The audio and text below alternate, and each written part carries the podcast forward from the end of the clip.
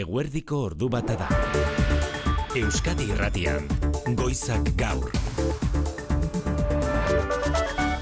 Arratsalde on deizuela guztioi baituak askatzeko operazioaren izenean Rafako pasabideren aurkako erasoaldi bortitzari ekin dio Israelek. Rafa ingurura mugitzera behartu zituen Israelek milioi terdi palestinar eta orain Rafan ere ez zeru ez lur utzi dituzte. Izua, izua errepikatzen zuen gizon honek, ona etortzeko esan ziguten eta orain hemen erasotu gaituzte. Egoera oso kezkagarria dela eta estatu batuei zuzenduta Josep Borrell, Europako Batasuneko atzerrigaietarako goi mandatariak aditzera eman du, agian Israelen aurkako arma embargoa aplikatzeko ordua iritsi zaiela estatu batuei. Europako batasunak ez dizkio armak bidaltzen Israeli, beste batzuk bai, esan du borrelek, hildako palestinarren kopuruarekin hain kezkatuta baldin badaude, agian hitzetatik ekintzetara igarotzeko ordua iritsi da. Josep Borrelek agian zehaztu beharko zukeen Europako erakundek ez, baina Europar batasuneko estatukidek bai bidaltzen dizkiotela oraindik. Israeli armak Alemaniak hain justu amar bider handitu du armen esportazioa Israelera urriaren zazpiko jamasen eraso ezkeroztik erberetan gai honi lotutako azken ordua landerri zagirre arratsaldeon. Arratsaldeon bai F hogeita amabos gerra egazkinen osagaiak dira erberek Israeli saltzen dizkiotenak baina bidalketa horiek eten egin beharko dituzte orain zazpieguneko epean. Justiziaren iritziz, litekena da Israelek arma horiek gazan erabiltzea eta beraz nazioarteko lege humanitarioa urratzea. Modu honetan, apelazio epaitegiak arrazoia eman die giza eskubiden aldeko erakundei gobernuaren kontra abiatutako hausian osagai militarrauen bidalketak eten da egongo dira, gorenak azken erabakia hartu bitartean. Etxean,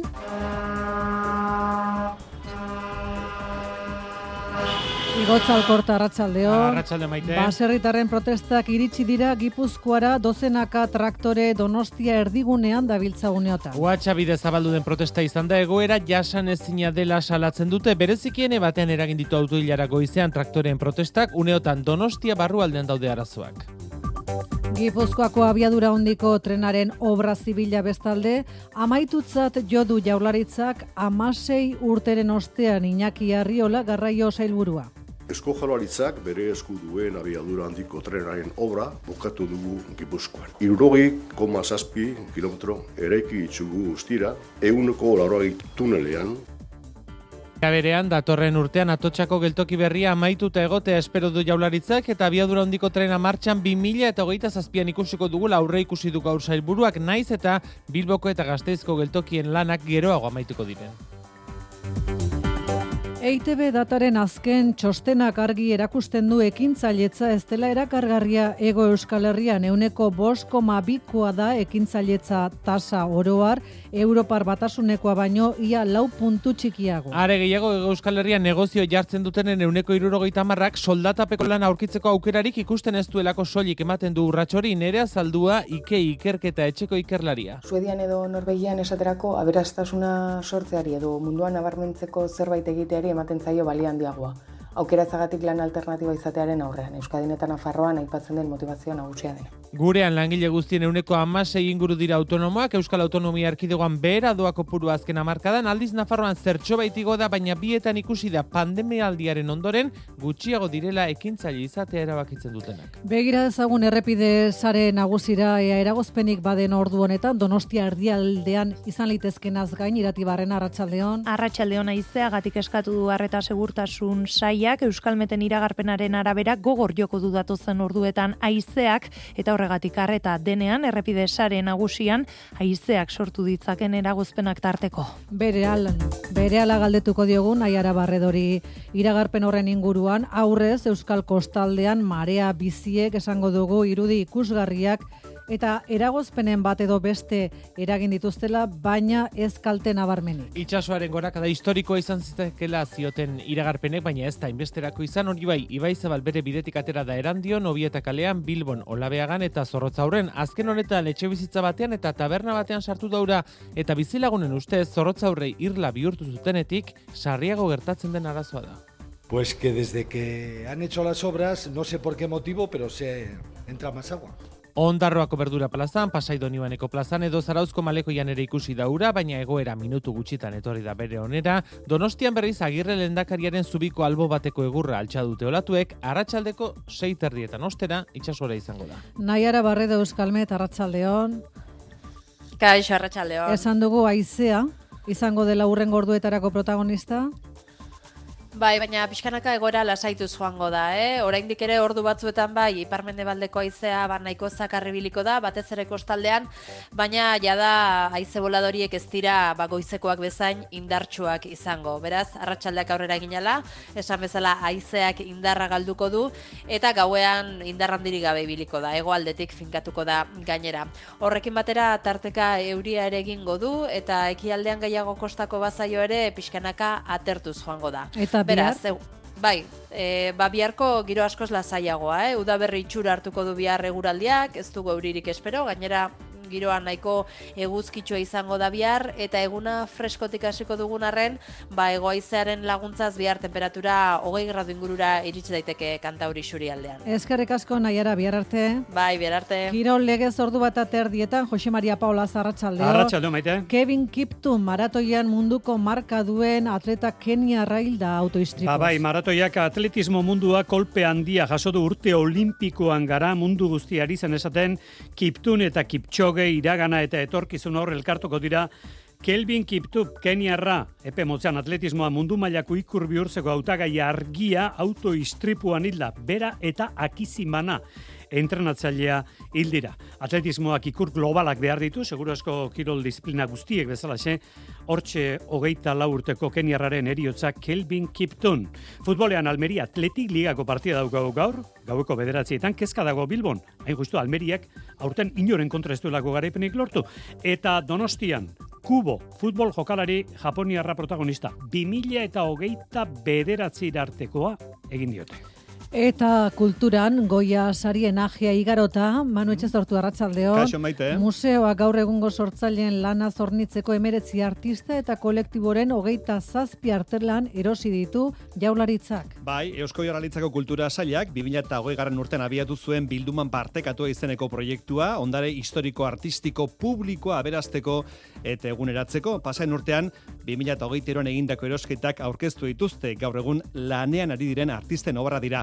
Erositako lanak euskal artista profesionalen lanak dira pintura, eskultura, zinema, bideoa, marrazketa eta argazki gintzako lanak hain justu. Amairu emakume eta amar gizon artista. Beatriz Erraez Artiu Museoko zuzendaria da. Besteak beste, ba, Xavier Salaberria, Maio Berber eta Marina Lameiro, Irati Gorrosti eta Mirari Txabarri, Sare Álvarez, Aina Legardón, Isabel Ergera, edo Carlos Martínez Bordoi.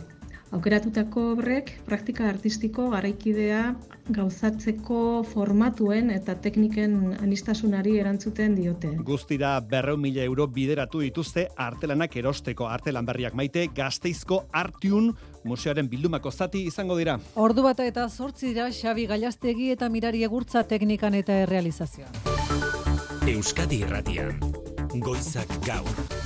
Maite Artola. Sindikatuen babesik izan ezarren, baserritarren eundik gora traktore, kamioi eta auto batu dira gaur gipuzkoan lehen sektorearen aurreneko protesta lurraldean, WhatsApp bidez antolatu dutena, eta oroz gain mezu bat kostuen gainetik, ordaindu behartzaiola baserritarrari. Goizean, ene batean eragin ditu pilaketak traktoren hilarak uneotan donostia erdigunean daudela esan dizuegu, foru aldundiaren atarira iristekotan, ekaitzagirre arratsaldeon Arratxaldeon bai maite uneotan iritsi berria plaza, Gipuzkoa plazara hemen aldundiaren egoitza atarira traktor traktor hilararen hasiera behintzat bai, ezoiko irudia hartu dute Donosti ardialdeko kaleek, dozenaka traktore iritsi dira hilararen buru eta atzetik kamioi auto eta furgonetak berreundik gora ibilgailu behintzat bai lehen sektoreak bizi duen egoera salatu eta euren aldarikapenak donostiako kaleetara ekarri dituzte gaur baserritarek sindikatuen babesi gabe baserritar talde batek bultzatuta adirazina izan dute aserrea entzun lekukotza hauek. Nazkatuta gehiona. Eta gizot dute gazte jendia. Nola gazte jendia? Ni berroita ama ditut, beti bilin naiz baserrin eta lanian ebatzan denekin eta iteizu goguak kendu. launtzik ez, e, da, kanpoko generoa dabil, hemengua bat ez du epatzen. Europa mailan ere, ba, Europako eskakizunaken ondoren ze mobilizatu den, eta hemen guk ez dugu olako indarrarik, ez? Baina alde neurrian, ba, mobilizatzen ibiltzen beharrezko dela, ez? Aldundiaren aurrean, bukatu berria protesta, han irakurriko dute, edo hemen irakurriko dute hobe esan da, gaurko protestara ekarri dituzten aldarrikapenen zerrenda, nagusia bat, hause adirazi digu Joseba Pagadizabal, antolatzaile edo lanetan aritu den baserritar gazteetako batek. Importantenetako bat, momentuan segi izateko, eske prezio duinak eskatzen ditugu gure produktuengatik, produkzio kostuen gainetikan egon behar dutela prezioek eta hori arrespeta daila nahi dugu. Uneotan hemen argazkia maite, dozenaka traktorek hartuta dute Gipuzkoa plaza euren aldarrikapenak gaur hemen Donostiako kaleetan. Eskarrik asko ekaitz esaten ari gatzizkizue WhatsApp bidez antolatutako protesta izan dela hau izan ere mobilizazioak ez du esene ez enba sindikatuen babesik. Euren hitzetan gaurkoa aserrealdi eta beroalditik etorri den protesta besterik ez da eta horrela ezer lortzea oso zaila dela iruditzen zaie. Horregatik proposatu dute mobilizazio egutegi propioa martxoaren batean hasiko dena. Xabier Iraola enba sindikatuaren koordinatzailea. Iruditzen zaigu helburutako bat dela, ba, bueno, norbeak barrunen dauken aserre hori egonezin hori kaleratzea, eta punto. Eta orduan, horrekin ez deula ez zer egiten. Osea, guk ez zeugua, besten, baditugu gure arazo propioak, eta horregatik, ba, gure aldarrikapena izango da, Gipuzkoako baserreko erre, errealitati begira. Gipuzkoa plazara iritsita entzun dituzue baserritarrak, izan ere Gipuzkoako foru aldundiaren egoitzara eramana izan dituzte euren aldarrikapena. Eta horren aurrean Eider Mendoza, aldu nagusiak hementxe Euskadi Ratiko Faktorian azaldu du, aldundiak entzuko dituela baserritarrek ez dutena, eskatzeko dutena entzungo duela, eta orain artean bezala saiatuko direla laguntzen haien gandik gertu egoten. Lehen sektoreko langileen eskarietako bat, egunerokotasunean egiten dituzten lanen burokrazia arintzea da, Mendozak defendatu du aldundia ari dela burokrazia hori errezteko lanetan. Gu Gipuzkoako Foru Aldundiak oso argi dauka administrazioak ere lehiakor behar duela izan eta burokrazia arindu egin behar duela. Eta horretan Gipuzkoako Foru Aldundiak laguntza handia ematen die ere baserritarrei. Besteak beste guk banda ultra azkarra martxan jarri genuenean baserri guztietara iristeko Gipuzkoako baserri guztietara iristeko hain justu horretan laguntzeko ere bazen. Gipuzkoako Foru Aldundiak lan egiten du baserritarrekin eta ematen ditu ikastaroak ematen ditu behar dituen e, aukera guztiak hori ere arintzeko. Ordu bata eta amabi minutu dira, Euskal Kostaldean Maria Biziek eragin dute eragozpenik, baina itxas goragunean ez da aparteko arazorik izan uolde txikiren bat edo beste bizkaian, segurtasun sailak abisu horia jarrita zuen goizeko bostak eta zazpirak bitarte, itxasoaren gorakada historiko izan zitekela eta, baina esandakoa ez da lehartu. Aize ufada bortitzek, bestalde, ia irurogei inzidentzia eragin dituzte bizkaian eta gipuzkoan urtzigartzia. Bai, goizeko zeiretako itxasgorako uolde txikiak eragin ditu Bilboko itxasaderreko ohiko lekuetan, udondo industrigunean leioan eta erandion obieta kalean. Bilbon berriz, olabeagan eta zorrotzaurren azken auzo horretan aparteko kalterik eragin gabe, etxez bizitza batean eta taberna batean sartu daura, zorrotzaurreko bizilagunak aserre, auzoa irla bihurtu denetik sarriago izaten dituztelako arazoak urarekin. Cesarrek izen bereko tabernako jabeak ala esan digu. Pues que desde que han hecho las obras, no sé por qué motivo, pero se entra más agua. Ba Bilboko udaleko iturriek aldiz, ukatu egin diote Euskadi Irrateari zorrotzaurren lanak hasi zituztenetik, uholde kopuru handitu denik ostantzean ondarroako berdura plazan, eta nasa kalean ere gainezke egindurak kalterik ezordea, gili-gili dendako Rosabelen berbak dira hauek. Kamino goxin ez dabe itxi, kamino guztia hartute onda uraz, eta kotxi pasaeran olatu ketxeben, eta sartura ude, sartu bazan geixa. Donostian lehendakari agirre zubiko hol batzuk altxa ditu olatu batek, eta ur geruza txiki batek pasai donibaneko San Juan Plaza estali hori eta bidasoi baiek gainezka egin dute puntu batzu da, baina hartutako neurri esker ez dela kalterik izan esan digute irungo udaltzen gotik. Zakoak kokatuta daude, uateak jarrita eta bidegorriak itxiko dira itsasgora dagoenean. Aize ufada bortitzek berroita meretzi inzidentziera egin dituzte dira bitarte, bizkaian gehienak, barrikan, aizeak botatako zuaitz batek osakidetzako ambulantzia bat jodu. Zorion ez da zauriturik izango gora dezaguna izegunetan, abisu laren jazarrita dago arratsaldeko irurak arte, eta arratsaldeko seiterditan izango dela urrengo itsasgora. Abiadura hondiko trenaren gipuzkoako eraikuntza zibilaren lanak amaitutzat jo ditu jaularitzak amasi urte behar izan dituzte, irurogei kilometroko trenbideko, hogeita malau tunel eta hogeita maikia zubiak eraikitzeko. Arriola sailburuak hiru urte barru, 2000 eta hogeita zazpian, abiadura hondiko trena martxan ikusiko dugula, adirazidu haino amendiburu. Gipuzkoako orografia erronka izan da abiadurandiko trenaren lanak egiteko horri gehitu egin behartzaio paisaian alden ondorio txikiena eragitea. Horregatik bidearen zati handiena uneko laro gehi tunel barruan doa. Zehazki, hogeita malau tunel eta hogeita maika zubik osatzen dute Gipuzkoako irurogei kilometroko zatia. Iñaki Arriola jaurlaritzaren garraio zailburua. Esko jaurlaritzak bere esku duen abiadura handiko trenaren obra bukatu dugu Gipuzkoan. Errani estigarraga da tartea izan da azkenengoa. Irurogei koma zazpi kilometro eraiki itxugu ustira. 2000 milioi euroko kostua izan dute Gipuzkoako zatiaren lanek. 2000 eta hogeita lauko indarrak bi puntutan jarriko ditu jaurlaritzak. Lanean jarraitzen dugu, Donostiako atotxako geltokia urrek urtean zerbitzuan jartzeko. Gainera, Bilbon abiadura handiko trena azartzeko 6 kilometroko tunela eraikitzeko lanean hasiko gara. Eraikuntza zibila amaituta abiadura handiko trena abian jartzeko gainerako lanak Espainiako gobernuaren alegia adifen esku daude. Gauzak ondo, Arriola sailburuak irurte barru 2008 zazpian trena martxan egote aurre ikusi du. Hori bai, Bilbota gaztizko trengeltokiak beranduago amaituko ditu adifek lurrazpian doaz, eta horrek eraikuntza komplexua suposatzen du. Ordu bata eta amasei minutu dira, autonomoen kopurua jeitsi eginda ego euskal herrian pandemiaz geroztik eta ekintzailetza tasa Europar batasuneko batazbesteko Kotik oso behera dago. Horiek dira EITB datak gaur kaleratu dituen txostenaren ondorio nagusi eta bada harreta deitu digun beste datu bat ere, bataz beste soldatapeko langilek baino urte terdi geroago hartzen dutela erretiroa autonomoa existoiturria gagoitia. Ego Euskal Herriko langile guztien euneko amasei inguru dira autonomoak, berreunda sei mila zehazki. Euskal Autonomia Arkidegoan euneko bikoma bost murriztu da autonomoen kopurua bi mila tamairutik, baina batez ere pandemia eskerostik antzeman da beherakada. Nafarroan gora egindu oroar autonomoen zenbatekoak, baina han ere pandemiak eten egindu goranzko joera. Eta kontutan hartu behar da, enplegua askundea izan den amarkada bat buruzari garela, hori nabarmendu duen zuzen ere, nerea saldua ikei ikerketa zentruko ordezkariak. Enpleguaren azkunde globaleko testu inguru baten, enplegu autonoma gutxiago azten da, edo jetxere egiten da Euskadin bezala, eta soldatapeko enplegua da argi eta garbi azten dena eremu guztietan.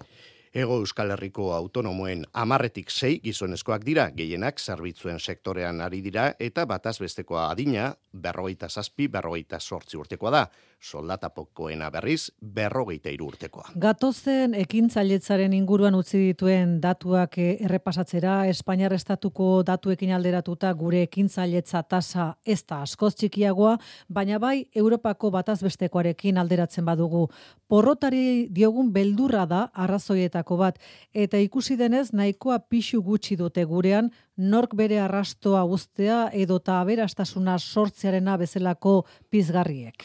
Euneko bosko mabikoa da Ego Euskal Herriko ekintzailetza tasa Europa batasunekoa baino ia lau puntu txikiagoa. Are gehiago, erresuma batuan edo herberetan euneko amairu inkurukoa da tasa hori eta estatu batuetara jauzi egiten badugu euneko emeretzikoa. Gurean, negozia jartzen dutenen euneko irurogeita marrek soldatapeko lan aurkitzeko aukera ikusten ez dutelako ematen dute urratsa. Beste herrialde batzutan, portzentai hori txikiagoa da eta are gehiago, iparraldeko zenbait herrialdetan hori ez da bizgarri nagusia. Nere azaldua. Suedian edo Norvegian esaterako aberastasuna sortzeari edo munduan nabarmentzeko zerbait egiteari ematen zaio balian diagoa aukera zagatik lan alternatiba izatearen aurrean. Euskadin eta Nafarroan aipatzen den motivazioa nagusia dena. EITB dataren emaitza hauei buruz galdetuta, Arantxa Tapia, ekonomia garapen sailburuak adirazi du, gure datuak estatu batuetakoekin alderatzerakoan oso kontutan hartu behar dugula hango realitatea. Han langabezian egotea oso oso arriskutsua da, ez dago segurtasun sozialik, ez dago inolako sare sozialik hori babesteko, eta nola ala lortu behar da norberaren enplegarritasuna.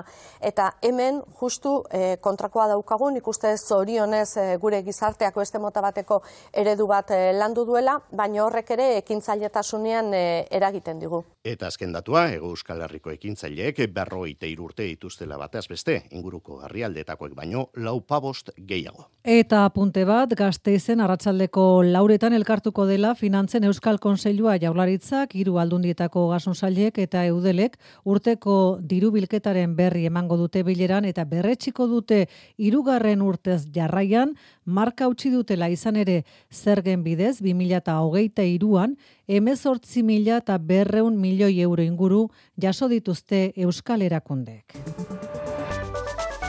Nazioartean Israelgo armada jamasen eskuetan zeuden bi gatibu askatu ditu Rafa irian egindako operazio odoltsuan erasoa goizaldean izan da, jatorri argentinarreko bi baitu askatzeko, iruro geita zazpi palestinar hildituzte gehienak zibilak asko umeak. Benjamin Netanyahu Israelgo lehen ministroak bere soldaduak zoriondu egin ditu, eta presio militarra aldarrikatu du baituak aske eta garaipena lortzeko bide bakar gisa. Ekialde hurbilean Mikel Aiestaran ete beren berri emaleak azken ordu arratsaldeon. Arratsaldeon, Israelek bi baitu askatzea lortu du Rafajen gutxienez irurogeita zazpi pertsona hildituen operazio batean. Israeldarrek distrakzio bombardaketak egin dituzte eta su estaldura handia erabili dute baituak zeuden Rafajeko erekinaren inguruan. Armadaren arabera hainbat terrorista hil dituzte operazioan. Gerra hasi zenetik askatu dituzten lehen bizibilak dira, egun hogeita sortzi, egun eman dituzte gatibu. Netanyauk bere tropak zorion du ditu eta baitu gehiago askatzeko presioa egiten jarraitu behar dela esan du. Rafak da Israeli erasotzeko gelditzen zaion azken iria, bat koma bos milioi palestinar baino gehiago bizidiran, biztanleria dentsitatea amasei mila pertsonakoa da, kilometro karratuko. Bertatik izua eta sarraskia deskribatzen dituzten irudiak eta testigantzak ari gara jasotzen hildako asko Israelen agindu zeuden Rafan babesa hartuta eta orain bertan galdu dute bizia Israelek berak bombakatuta landera izagirre. Irurogeita zazpildako operazio bakarrean eta eunete irurogeita lau azken egunean Rafako errefusiatuen zat gaueko ordu batean azida amezgaiztoa, oialesko eta plastikosko denden gainean, bombak eta dronen tiroak entzun dituzte. Orain arteko gaurek beldurgarriena izan dela dio emakume honek, يعني مش عارف انا ايش هدفهم من المنطقه eta zeniden gorpuak ere ezin izan dituzte identifikatu beste batzuek gorpuak beharrean gorpu zatiak aurkitu dituztelako erasolekuan Rafara desplazatu bezala iritsi zirela dio errentan bizi zirenan eta lo zeudela hil dituzte bere zenideak. Gau honetan, hainbat eraso izan dira aldi berean alde batetik, bi baituak eskutatuta zeuden etxe bizitza eraikinaren inguruan, baina handik lau kilometrotara ere izan dira bombardaketak eta hildakoak. Jamasek Israelen zarraski berri bat izan dela salatu du, baina netan jajuren gobernuak ez du atzera egiteko asmorik, milioi terdi palestinar ebakuatzeko asmoa berretsi du gaur eta nazio batuei eskatu die horretarako laguntza. Hain zuzen ere unrua nazio batuen erakundearen errefusiatuen agentziarako burua gaur Bruselan da Europar batasuneko estatukideekin gazako egoera aztertu eta finantziazioa eskatzeko helburuarekin izan ere jamasek burututako baiketekin zerikusia dutelakoan unruako hainbat kideren aurka hasitako ikerketak agentziarekiko mesfidantza eragindu. Nola nahi ere, ikerketa hori amaitu bitarte, laguntzari eutxi egin bertzaiola defendatu du gaur Josep Borrell atzerri gaietarako goi mandatariak, eta gaur Rafa inguruko erasoaldarekin oso kezkatuta, dagoeneko Israelen aurkako arma embargoaren beharra zere itzegin du Borrellek, estatu batuei zuzenduta ari zen Amaia Portugal arratsaldeon. Arratsaldeon bai, Europar batasunak ez dio armarik ematen Israeli, ala esan du borrelek eta gaineratu du beste batzuk ezkatuta baldin badaude hildako kopuruarekin gazan, egin dezaketela zerbait ura murrizteko estatu batuei zuzenduz. Oso kezkatuta gertu da bai, Israelek rafan dituen asmoen gatik, gogora du Egiptok esan duela, ezingo duela laguntza gazala, gazara helarazi muga bombardatzen badute, eta Benjamin Netanyahu kritikatu du, evakuazioa agintzeagatik nondik ies egin ez duten herritarren kontra. Josep Borrell. With more than 1.7 million people crash against a wall, they cannot escape. Orduotan Filip Latzarini unruako buruarekin daude elkartuta, borrel bera eta garapenaren ardura duten hogeita zazpietako ministroak agentziaren etorkizunaz, diplomazia burua gogorarazi du Israelek aspalditik nahi duela ura desagerrarazi, ala arazoa desagerraraziko dutelakoan. It's not a secret that the Israeli government wants to get rid of UNRWA. Not now, Baina agentzia desagertuz gero arazoa areagotu baino ez litzateke egingo borrelen esanetan. Bertako kide zenbaitek ustez jamasen erasoetan izan zuten parte hartzeaz, ikerketa bukatu bitartean finantziazioari eusteko eskatu du, hain zuzen munduko laguntza humanitarioari dagokion urteko lehen diru sorta iragarri du gaur batzordeak, tartean lareun da irurogeita mar milioi euro palestinarrentzat eta Siria, Yemen eta Libanorako. Ordu bata eta hogeita bost, Andaluziako barbaten joan den ostiralean droga trafikatzaileen aurkako operazioan gertatutakoak Nafarroako parlamentura ere ekarri du gaur eztabaida politikoa izan ere hildako bi guardia zibiletako bat sarri gurenen bizi zen. UPNek eta PPek guardia zibilaren lana goraitpatzeko adirazpen instituzionala eraman dute bozera malen batzordera, baina geroa bai eta EH Bilduren abstentzioek Eragotzi egin dute adirazpen horrek aurrera egitea Aitor Perez Iruña Arratsaldeon. Arratsaldeon bai, adierazpenean hildakoekin eta euren familiakin elkartasun adierazteaz gain Guardia Zibilak terrorismoaren, droga trafikoaren eta mafien kontra egindako lan ordain ezina goraipatzea proposatzen zen itzezitz. EH Bilduk eta geroa baik abstentziora jo dute testua aurrez adostu ez izana kritikatu dute eta geroa baiko bozera maila gainera Madrilera begirako kanpaina batean kokatu du que no vamos a entrar a esta campaña que parece que tiene el Partido Popular para Pablo atacar, Azkonaren hitzetan UPN peperen jokoan sartu da eta bere alderdia ez dela horretan eroriko esan duain zuzen ere Nafarroko alderdi popularrak marlaska ministroak dimisio ematen ez badu Pedro Sánchezek kargu gabetu beharko lukela esan du eta UPNek berriz EH Bilduren jarrera betikoa dela esan du Javier Esparzak. Y luego Geroa bai, pues bueno, lo cierto es que cada vez que hay que reconocer la labor de la Guardia Civil se pone de perfil. Gero abaiko ordea Guardia Zibilaren lana goraipetu behar denean, gaia beti saiestu, saiestu egiten duela esan du. Azkenik alderdi sozialistak babe sosoa adirazidio Fernando Grande Marlaskeri.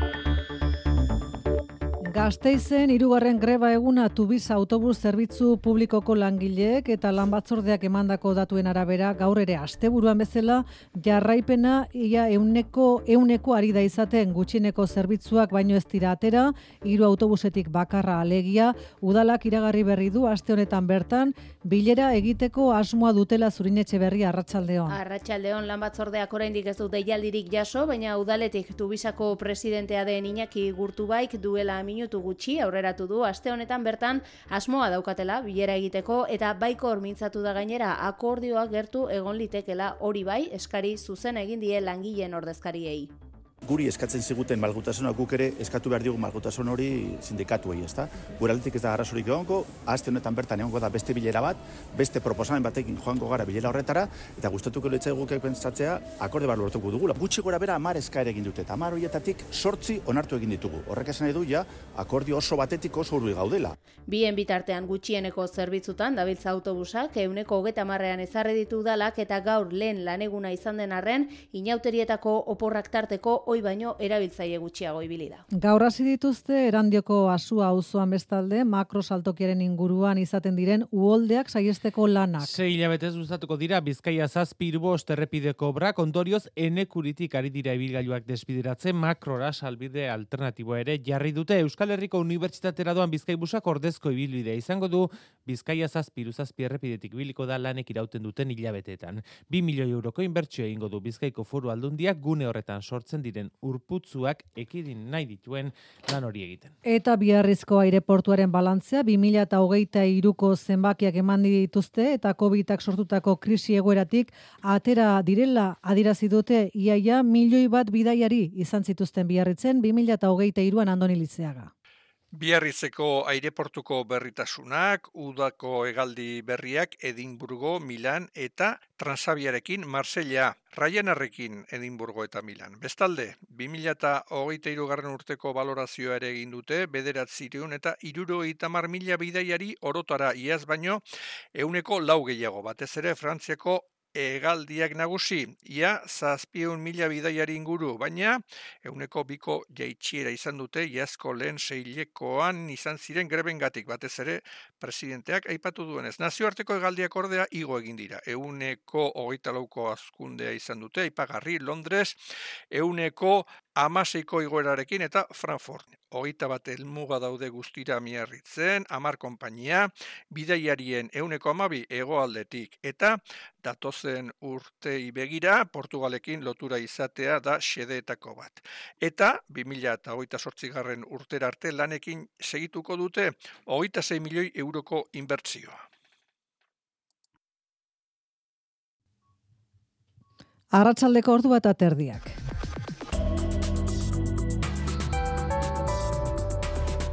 Euskadi Irratian, eguraldia eta trafikoa. Trafikotik azita Jokina Ierregarai. Segurtasun saiak harreta eskatu du aizeagatik Euskalmeten iragarpenaren arabera aize bolada bortitze gutxira egingo badute ere, bien bitartean harreta eskatu dute errepideetan aizeak sortu dezakeen eragozpena tarteko. Hain zuzen ere Euskalmeten pronostikoa urrengo orduetarako, Piskanaka egoera lasaituz joango da arratsaldean. Dena den, oraindik ere ordu batzuetan, bai parmendebaldeko aizea nahiko zakarribiliko da, batez ere kosta partean. Arratsaldeak aurrera eginala, indarra galduko du haize horrek eta gauean hegoaldetik finkatuko da. Horrekin batera, euria egin dezake tarteka eta ekialdean gehiago kostako bazaio ere atertuz joango da pixkanaka. Egunaren amaieran, giro lasaia izango dugu, era bat atertuko du eta ostarteak zabalduko dira.